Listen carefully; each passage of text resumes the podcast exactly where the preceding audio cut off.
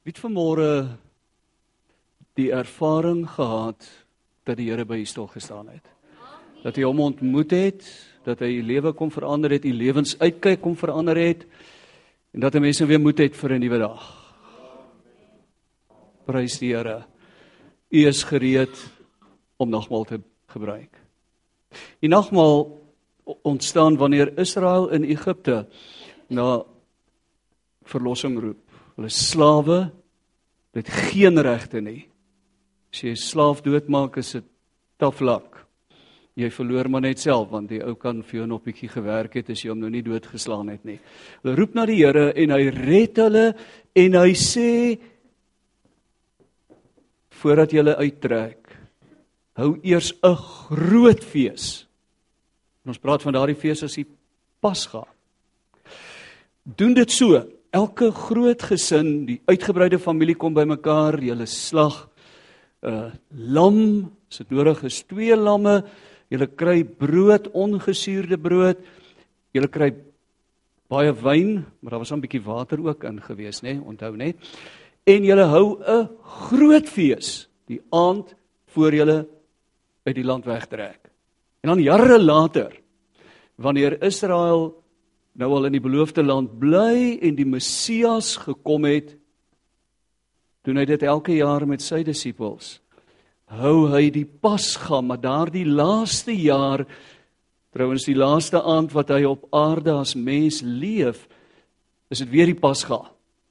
En hy verander die betekenis. Hulle sit as as uitgebreide familie. Mense wat nou op 'n ander manier saamgevoeg is as bloedfamilie as as Abraham se bloed. Nou is dit Jesus se bloed wat hulle bymekaar bring.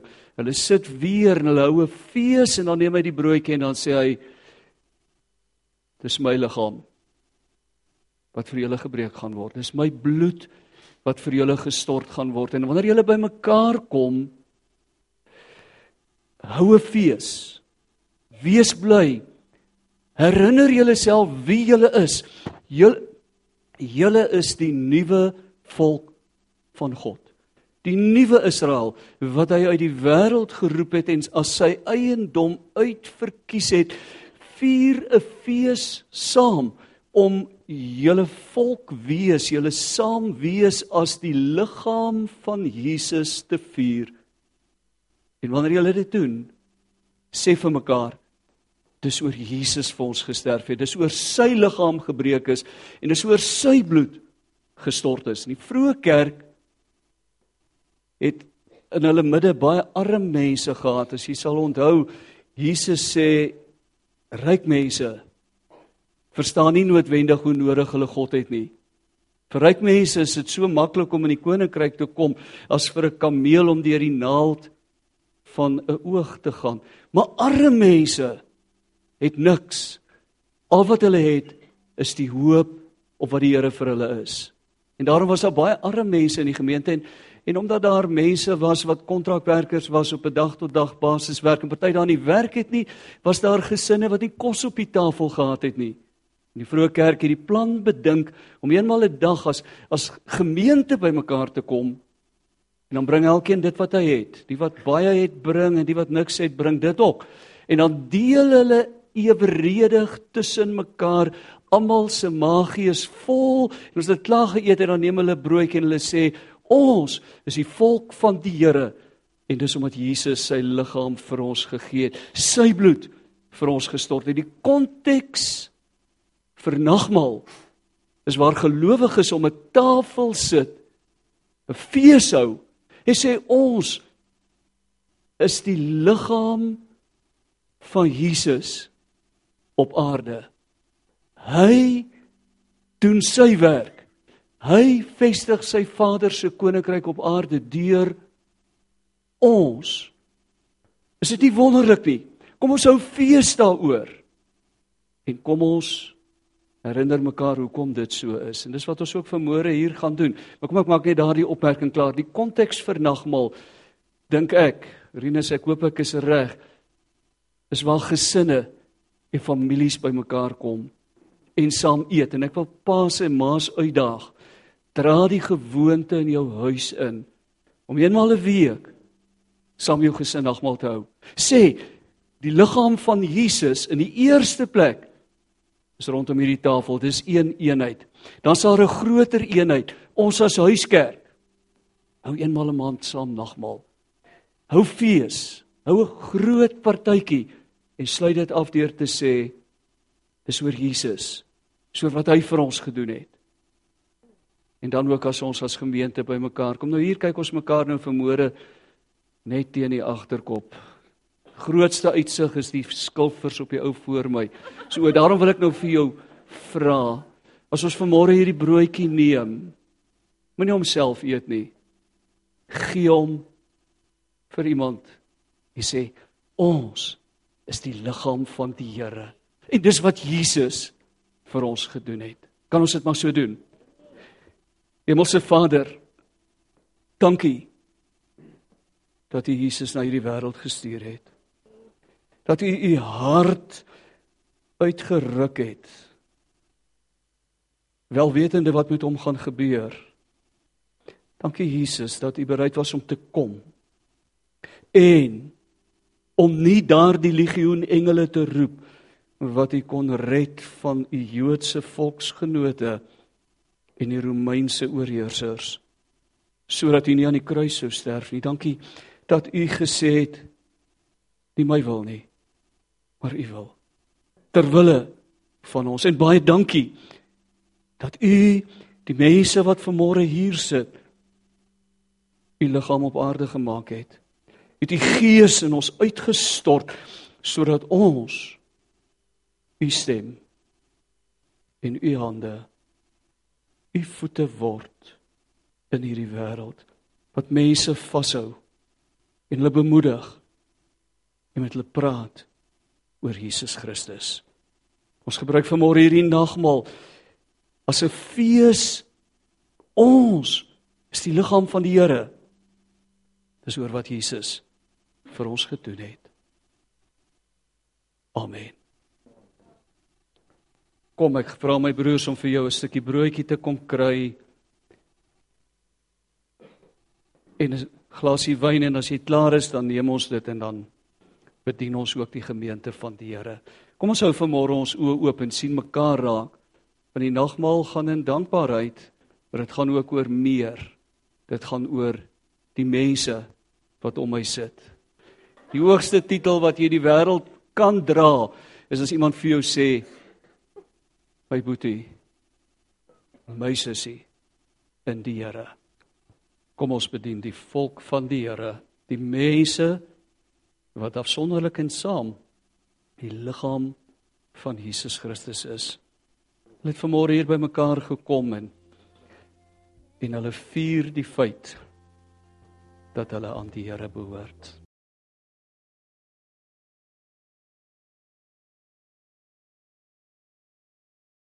My vrou en ek het gister in Potchefstroom langs die mooi rivier in een van die woonbuurte gaan stap en ver en van die teerpad af daar in 'n paadjie langs die rivier lyk dit of iemand daar lê en die handjies so swak waai en en roep swakkerig roep en toe ons daar kom toe sit 'n oomie wat 80 jaar oud is by die oggend. Al die pille wat hy gehad het by die huis gedrink het en met sy nagklere gaan stap het en vertrou het hy sal dood wees. Op 'n stadium het hy swak geword en geval, miskien ook sy bewussyn verloor. Dit was nou die oggend. Dis hier by 3 uur dat ons hom toe nou daar kry. Nou sy baie swak en ontwater en sê hoekom doen jy dit oom? Want ek wil nie leef nie. Depressie het hom ingehaal. John Slotter het 40 jaar se ervaring as as beraader en maar ook baie naby aan sy vel ervaar wat gebeur as as die donker skaduwee van depressie, 'n siekte waaroor jy geen beheer het nie, oor jou lewe skuif sodat die son later nie meer skyn nie en jy jou aan jou eie lewe slaan.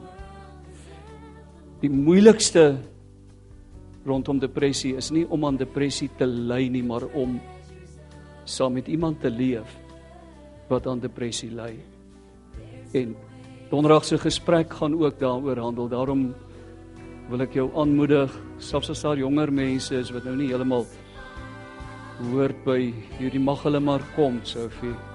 Jonger mense mag ook kom. Asseblief kom luister as as jy dink jy gaan saam met so iemand moet leef of dat dit loop so in die familie.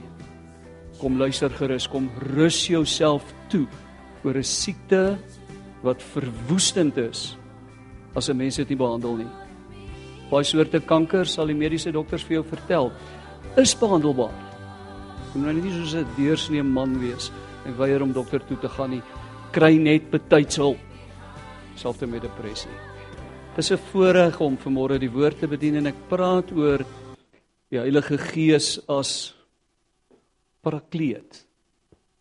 As ook 'n rede hoekom ek so lelike naam gebruik want ek wil ook u aandag daarmee bereik. Baie mense se lewe word gekenmerk deur episodes van benoudheid, teleurstelling. Soms is daar tye van vrees. Party mense ly aan 'n beangstigheid dat dit voel of hulle keel toegedruk word en nie asem kry nie. In ons almal se lewe kom daar tye van hartseer. Tye wat 'n mens moedeloos raak. Vir talle verskillende redes, swartgallig raak. Die woord het 'n belangrike boodskap vir sulke tye in jou lewe. Daar's 'n belangrike verskil tussen hoe meeste protestante mense wat wat na die 16de eeu saam met die hervorming uit die Rooms-Katolieke Kerk beweeg het, hoe hulle oor die Bybel en oor die Heilige Gees dink en hoe Pinkstermense daaroor dink. Dis 'n dis 'n krities belangrike faktor.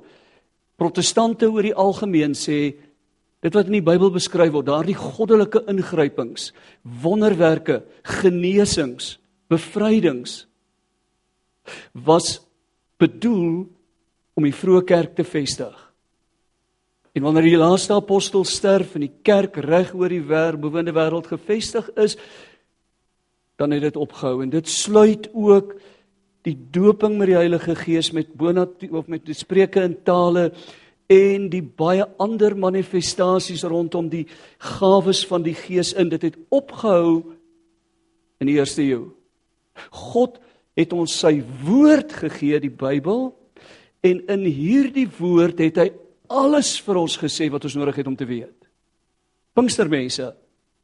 En sonder om baie daaroor te sê, die geskiedenis daar agter sê dit wat in die Bybel staan is 'n idee van wat met mense gebeur as hulle by God uitkom. Dis eintlik 'n aptydwekker. Dit wil vir jou sê vertrou die Here. Kom by hom uit. sien wat hy vir jou wil doen. Hy wil onder andere vir jou doen wat in die Bybel staan. Hy wil selfs baie meer vir jou doen. Hy wil aan die hand van die Bybel met jou praat. Sy Gees wil hierdie woorde oopbreek en lewend maak en van toepassing maak op jou lewe. Dit gee jou hoop en moed en rigting. Maar hy is nie gebind aan die woord nie. Want die Gees kan selfs buite die woord om nog steeds met 'n mens praat. Deur vorm in in die vorm van 'n profesie byvoorbeeld. Wat dan net belangrik is, is dat ek hierdie stem sal meet aan die stem van die Bybel om seker te maak dis die Here wat met my praat. Die protestantse tradisie oor die algemeen sê die Heilige Gees is daar om jou in Jesus Christus as 'n nuwe skepping te maak. Nou, luister na hierdie storie. Dis 'n belangrike sleutel om die Bybel te verstaan. Wanneer mense bietjie meer diepte in hulle Bybelstudie kry, dan word dit soms 'n faktor. Paulus is die eerste een wat sy hand op skrif sit. Die kerk het nie belang gestel in Bybel nie. Hulle het die apostels gehad en verwag die Here kom terug enige oomblik. Waarvoor sal hulle neerskryf? Hulle luister sommer uit die perd se bek wat Jesus gesê het by wyse van Spreuke. Maar Paulus skryf briewe. En wanneer Paulus oor die Heilige Gees skryf, dan beskryf hy die Gees as die agent wat jou salig maak. Jy word weergebore om Johannes se taal te gebruik. Hoe? Deur die Heilige Gees. Paulus sê dis die Heilige Gees wat jou reinig. Hy maak jou regverdig. Hy bring jou in gemeenskap met die Vader. Dis hy wat wat jou laat roep Abba, Vader. Hy gee jou kennis oor God. Hy bring die ewige lewe deur Christus en dis hy wat eendag jou die opstanding met die met die met Christus sal laat deel. Paulus wat eerste skryf tussen 50 en 64 na Christus. Hier in 65 rond ontstaan die Markus Evangelie. En dan na 70 ook Lukas en Matteus. Nadat Jerusalem geval en die tempel vernietig is. En hierdie drie evangelies het 'n ander invalshoek. Hulle vertel vir jou van Johannes die Doper. Hoe ontvang hy sy roeping? Deur wie doen hy sy bediening? Die Heilige Gees. Jesus Christus by die Jordaan. Die dag van Pinkster, want Lukas skryf ook 'n verdere geskiedenis, die boek Handelinge hoe dat die Heilige Gees nie net oor Jesus by die Jordaan nie, maar oor die eerste disippels op die dag van Pinkster kom en hoekom kom die Heilige Gees om te bevestig dat hulle geroep is om in hierdie wêreld 'n getuienis uit te dra oor Jesus Christus. Nou Johannes skryf sy evangelie heel laaste saam met sy briewe en ook die boek Openbaring hier rondom 90 na Christus. En wat Johannes doen, hy integreer die temas wat Paulus beklemtoon het en die tema wat die drie evangeliste en Handelinge kom vertel het. Hy integreer hierdie twee temas en hy hy praat van die Heilige Gees as die een deur wie jy gered word en die Heilige Gees as die een wat jou ook op 'n stadium roep en toerus om in God se diens te staan. Hy maak hierdie onderskeid. Nou wat Johannes doen, hy skryf nie 'n deursnee lewe van Jesus, 'n biografie nie. Hy skryf 'n hoogs gestruktureerde argument wat bestaan uit sewe tekens nou word net sewe wonderwerke beskryf, maar hulle word as tekens vir 'n rede genoem en sewe openbare redes. Hierdie groot blokke waar Jesus leer. En die doel daarvan kry mense in Johannes 20. Johannes sê Jesus het nog baie ander wondertekens onder sy disippels gedoen. Daardie tekens is nie opgeskryf in hierdie boek nie, Hierdie is wel opgeskryf. Hoekom? Sodat julle moet glo dat Jesus die Messias, die gesalfde, die een wat deur die Heilige Gees gesalf is, dat hy die Messias is, die seun van God, en sodat julle deur aan te hou glo, die lewe kan hê in sy naam. Lewe is 'n kodewoord by Johannes, maar ook in die Nuwe Testament. Lewe is nie iets wat deur jou are bruis nie, Dis iemand. Jesus Christus. As jy jou bekleë met hom, lewe jy, dis 'n lewe wat eers deur die dood onderbreek kan word nie. Jou gemeenskap met hom is so sterk dat as die dood jou pad langs kom, jy jou oë in 'n beter wêreld oopmaak. Dit is belangrik dat 'n mens hierdie kodewoorde van die Nuwe Testament sal verstaan. Nou die konteks van die Johannes Evangelie 'n hofsaak. As jy dit nou weet, gaan jy dit baie maklik kan raak sien. Want Johannes is besig om 'n argument te voer. Dis hoftaal wat hy gebruik. En hy praat ook voortdurend van getuies. En dis mense wat wat argumente met mekaar voer en bewyse aanvoer vir wat hulle doen. So kry 'n mens die afskeidsrede. Johannes 14 tot 17 hierdie lang blok. Dis die laaste blok van Jesus se sewende rede wat hy voer. En in sy afskeidsrede lei Johannes Jesus se hofsaak in. Die hofsaak wat sy lewe kos. Johannes 13 vers 7 13 tot 17 is die nag voor sy kruisiging. En in hoofstuk 13 en hoofstuk 17 sê hy aanhoudend vir sy disippels Ek sal julle nie alleen laat nie. Ek sien julle is benoud. Ek sien julle is beangs. Julle julle julle is bang. Julle vrees die dag van môre. Onthou hierdie mense het 3 jaar van hulle lewe daaraan gewy. Hulle het al hulle geld op Jesus as Messias gesit. En nou sê vir hulle ek gaan môre sterf. Maar moenie bang wees nie. Hoofstuk 13 en 17 dan 14, 15 en 16 dan sê hy Hier's die rede hoekom jy nie moet bang wees nie. Hier is die rede hoekom jy nie moet bang wees nie. En 4 keer sê hy want die Vader sal die Heilige Gees as parakleet stuur. Kom ons kyk na die eerste een, Johannes 14 vers 1 sê Jesus moenie bang wees nie.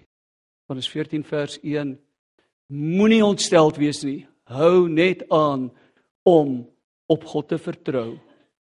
Vertrou ek ten volle op my en ek lees die nuwe lewende vertaling, maar gaan ook ander vertalings daar daarna verwys. Hou vas aan my. Vertrou op my. En dan in Hosea 14 vers 15 sê hy: As julle my liefhet, sal julle my opdragte uitvoer. Hoe weet ek dat my lojaliteit by Jesus lê? Ek sal lief hê.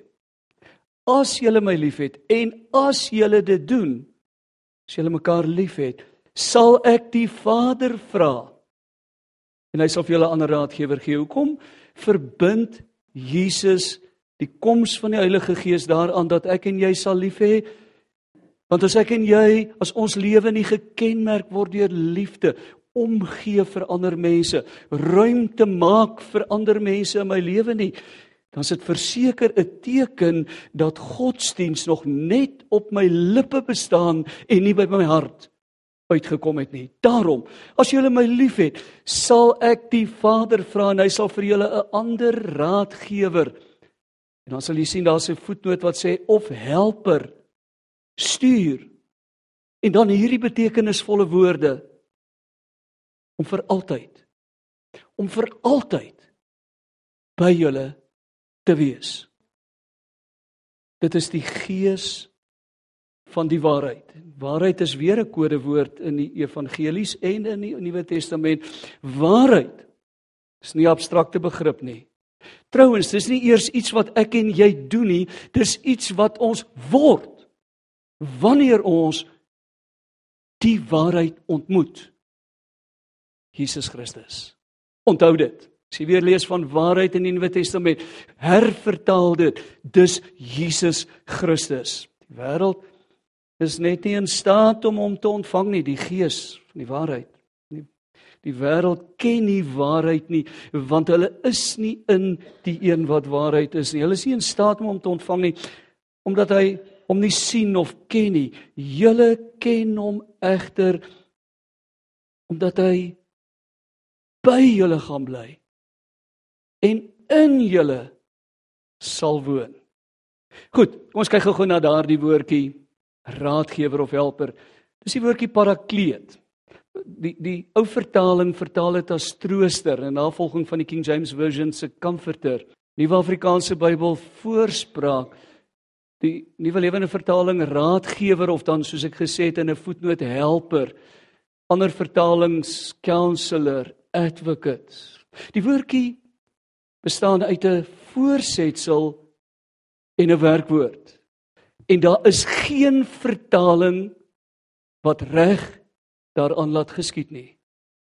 Hulle sê iets daaroor wat waar is, maar hulle sê nie die volle waarheid nie, want die woordjie beteken om iemand te roep om langs jou te kom staan. Om iemand te roep om langs jou te kom staan. En in die literatuur buite Johannes, want Johannes is die enigste een wat hierdie woord gebruik 4 maal hier in die evangelie en dan eenmaal in sy brief 1 Johannes. Maar buitekant word dit gebruik om te verwys daarna dat jy 'n advokaat aanstel wat in die hof sê ek praat namens hierdie mens. Of dat jy 'n weeskind is en die hof sê ons stel die weesheer aan want hierdie weeskind het nie 'n regspersoonlikheid wat sy of haar belange kan beskerm nie. Die weesheer sal namens hierdie mens optree. As daar dokumente geteken moet word, as daar versoeke gerig moet word, sal die weeskind dit nie self kan doen nie, maar is iemand wat dit namens jou doen. En nou is hierdie mooi woorde. Dis dis iemand wat jou troos, wat jou bemoedig, wat jou bystaan, wat jou help. Maar die probleem met hierdie vertaling is dit mis die eerste helfte wat die belangrike helfte is. Die Heilige Gees is dit. Maar eers as jy hom vra om dit te wees. Daar's Christene wat deur hulle hele lewe gaan vermoed ek. En die Heilige Gees kan nie in krisisomstandighede met hulle praat nie. Want hulle luister nie na hom nie. Hy kan hulle nie lei nie. Want hulle vra hom nie om dit te doen nie. Hulle is doodgewoon nie bewus daarvan dat toe Jesus weggaan, hy sê in hierdie wêreld sal julle dit moeilik hê, maar hou moed, ek het die wêreld klaar oorwin. Ek stuur iemand in my plek. Hulle is bewus daarvan dat hierdie een dit vir hulle wil doen wat Johannes 14, 15 en 16 vertel nie, want hulle verstaan nie die trooster troos die mens wat om troos aanklop. Die bemoediger praat die een in wat moet kom vra, wat rigting kom vra. Die raadgewer gee eers raad aan die mens wat sê ek is radeloos. Gees van Jesus Christus, gee vir my rigting. Dui vir my die pad aan. Hy sal altyd by julle wees. Hy sal die gees van die waarheid wees. Hy sal julle in die hele waarheid lei. Maar wat saak maak, kind van God, Pinkster, kind van God, is dat ons sal aanspraak maak op die Heilige Gees wat by ons is. Luister wat skryf Johannes verder wat skryf, wat sê Jesus Johannes 14 vers 25. Ek sê dit nou lankal vir julle terwyl ek nog by julle is sodat ek weggaan dat julle gaan agterbly dat julle in hierdie wêreld dit moeilik gaan hê, dat julle selfs vervolg gaan word vir julle geloof. Vers 26 en wanneer die raadgewer die Heilige Gees kom by die Vader in my naam sal stuur parakleet die een wat jy kaleo jy roep hom om para om langs jou te staan wanneer hy kom wat die Vader in my naam sal stuur sal hy julle in alle opsigte onderrig en julle ook herinner aan alles wat julle vir my gesê het. Wie's onderwysers hier? Hoor kinders noodwendig wat jy wil sê. Wanneer hoor hulle? Wanneer hulle fokus, aandag gee, konsentreer. Kind van God, die Heilige Gees is daar. Hy wil jou onderrig. Hy wil jou herinner aan wat Jesus vir jou gesê het. Die vraag is fokus ons op hom. Is daar tye in ons lewe ook in die krisistye wat ek stil word en sê ek het U nodig. Kom vertel my wat Jesus vir my gedoen het. Wat hy vir my beteken. Vers 27 ek laat vir julle vrede na. My vrede deel ek met julle. Ek gee nie soos die wêreld gee nie. Julle hoef regtig nie ontstel of bang te wees nie. Ek het nie altyd vrede nie. Waar vind ek my vrede? In die werking van die Gees van Christus as ek hom toelaat om Jesus in my lewe te openbaar. Hoekom kan ek my ontsteltenis en my beangstigheid oorwin? Want ek sê Heilige Gees, ek het U nodig. Ek kom rus in dit wat U verteenwoordig. Daardie vrede laat ek vir julle naas. Dis 'n tipiese en 'n baie mooi Joodse groet waarmee Jode mekaar tot vandag toe nog groet. Jy ken nou die woordjie Shalom. Vrede vir jou. Kom ons groet mekaar ook daarmee, maar ons sê daardeur, daar is eers vrede vir 'n mens wat weet wat sy of haar staat is in Jesus Christus is. Jesus wat aan die regterhand van die Vader sit, maar wat hier langs my en in my en saam met my is. Kom ons kyk na die derde vers, Jakobus uh, Johannes 15 vers 26. Wanneer die Parakleet kom, wat ek vir julle van die Vader af sal stuur, sê hy weer Gees van die waarheid, Gees van Jesus Christus wat van die Vader af uitgaan sal hy oor my in die openbaar getuienis af lê. Hy sal vertel van my. Hy sal vertel wat ek gedoen het en wat ek beteken. Julle moet ook aanhou getuig sodat julle van die heel begin af omdat julle van die heel begin af saam met my was. Ek het drie dinge vir julle uitgespel sodat julle nie moet struikel nie. Hulle sal julle uit die sinagoges ban. Daar kom 'n tyd dat almal wat julle doodmaak sal dink dat hulle besondere guns aan God bewys. Dit het baie gou gebeur. Vroeg Christene is van vroeg af vervolg. Daar word steeds vandag teen mense wat wat getrou aan die Here wil wees gediskrimineer. Dit sal gebeur, maar wat sê Jesus 'n hele paar kere in die ander evangelies wanneer hulle julle voor die goewerneurs en die howe daag? Moenie bang wees oor wat julle gaan sê nie. Hoekom? Want die Heilige Gees sal vir julle die woorde sê. Vertrou op hom. Bely jou afhanklikheid van hom. Soos die wêreld my verwerp het, sal hulle julle ook verwerp. Maar onthou jou taak in hierdie wêreld, jy's toegerus met die Heilige Gees sodat jy oor my kan getuig. Die verskriklikheid van die kruisdood van Jesus. Die bloed die angs, die pyn is dat dit verniet was as ek en jy stil bly daaroor. Want die Heilige Gees werk in mense se harte om hulle by die Jesus van die kruis uit te bring deur jou en my. Die Heilige Gees sal getuienis oor my aflê. Julle moet getuig oor wat ek gedoen het.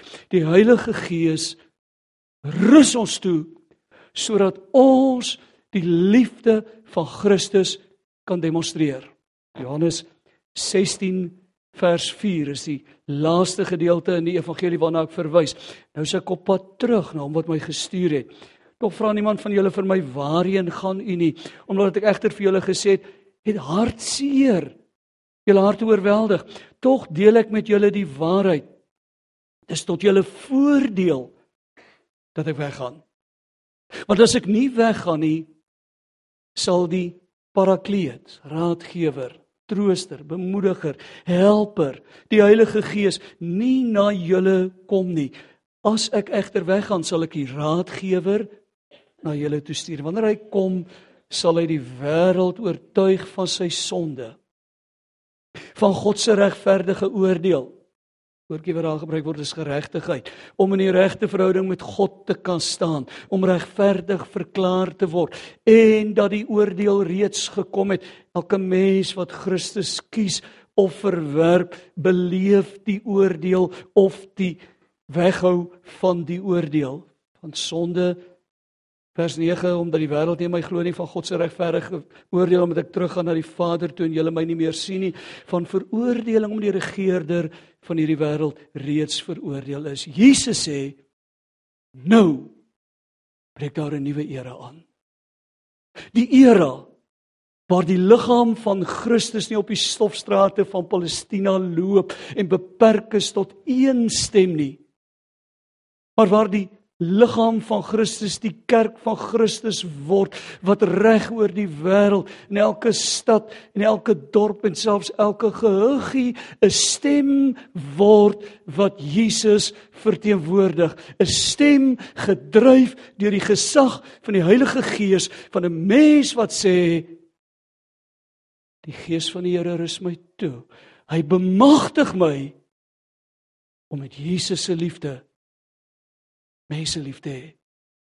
Om 'n bemoediger van mense om my te word. Om mense te komplimenteer sodat hulle nog beter sal doen en om hulle te vertel van redding in Christus. Daarom is ons nie weeskinders nie. Ons is nie alleen agtergelaat nie. Ons het 'n parakleet, een 'n weesheer, 'n advokaat wat vir ons intree. Maar wat saak maak, kind van die Here, is dat ons sal verstaan parakleet beteken 'n mens wat hom beroep op die Heilige Gees. Na alle omstandighede, maar ook in tye veral in tye van benoudheid en van nood, wat sê ek weet wie by my is. Ek raak bewus daarvan Die Here God wat hemel en aarde gemaak het is in my. Ek beleef vrede. Want selfs al is dit my vrou wat daar lê en geen respons toon nie omdat die brein te lank sonder suurstof was vertrou ek die Here hou haar stukkendheid in sy hand hy gaan sy doel met haar en met ons bereik. Ek sluit af. Johannes verras ons deur weer die woordjie parakleet in sy eerste sentbrief te gebruik. Jesus sê ek my Vader sal julle 'n ander parakleet stuur. Nou ander in Grieks staan twee woorde voor ander van 'n ander soort of ander van dieselfde soort en dis wat hier gebeur. 'n Ander parakleet, een net soos ek. Die Heilige Gees is sy parakleet. Maar watter rol speel hy as parakleet? Kyk gou-gou hier, my kinders, ek skryf hierdie ding aan julle sodat julle nie moet sonde doen nie. As iemand egter sonde doen, ons het 'n parakleet by die Vader wat ons saak stel. Wat ons naam noem. Wat vir ons pleit.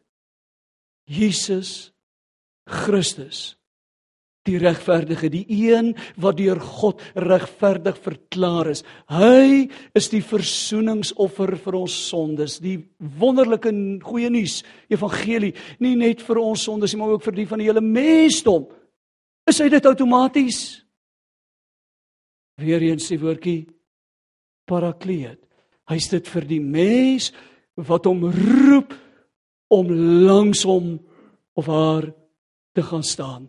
Jesus tree vir die mens by die Vader se troon in wat hulle vertroue op hom stel en hom aanroep. Ek sluit af. Die Heilige Gees stel Jesus teenwoordig as die Gees van Christus. Hy's vir altyd by jou as jy die moeite doen om bewus te word van sy teenwoordigheid. Hy's daar om jou te onderrig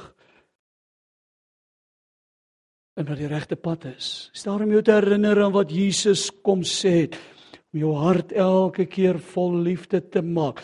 Hy's daar om te getuig, om te oortuig van sonde en van geregtigheid en van oordeel en hy's daar om my en jou te gebruik om daardie getuienis uit te dra. Jy hoef nooit alleen te wees nie. Ek het in 'n huis groot geword waar die kamerdeure terwyl my ma nog die eerste klompie jare geleef het, altyd oop gestaan het. En in die aand het ons met hulle lê en gesels met pa en ma. En dan het hulle teruggepraat. As jy wil bang voel, dan praat jy, "Ma, is maar daar." Wat het vandag gebeur? Dan praat ons met mekaar. Jy hoef nooit in hierdie wêreld nie eens as jy deur daardie een dal van donker skaduwees gaan waar niemand saam met jou kan gaan nie, die dal van die dood, alleen te voel nie. Jy mag jou herinner, Heilige Gees. U is saam met my. U lei my voort in donker nagte. U stit my in die swaarste nood. U sterk my teen die helse magte.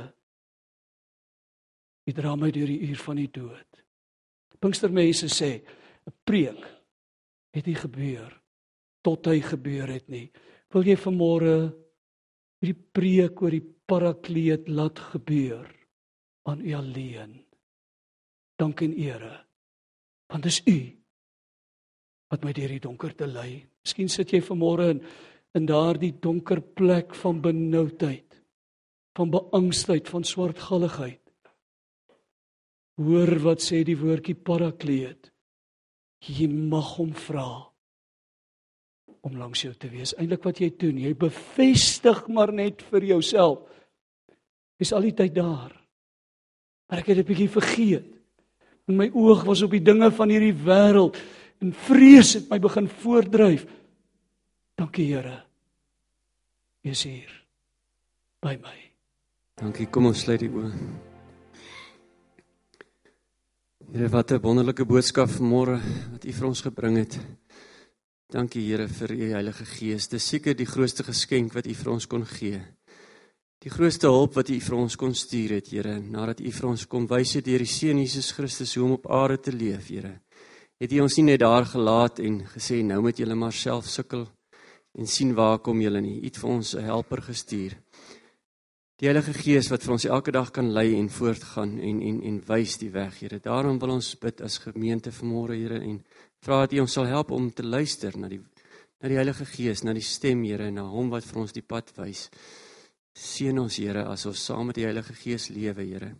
'n Pad van heiligmaking stap, Here.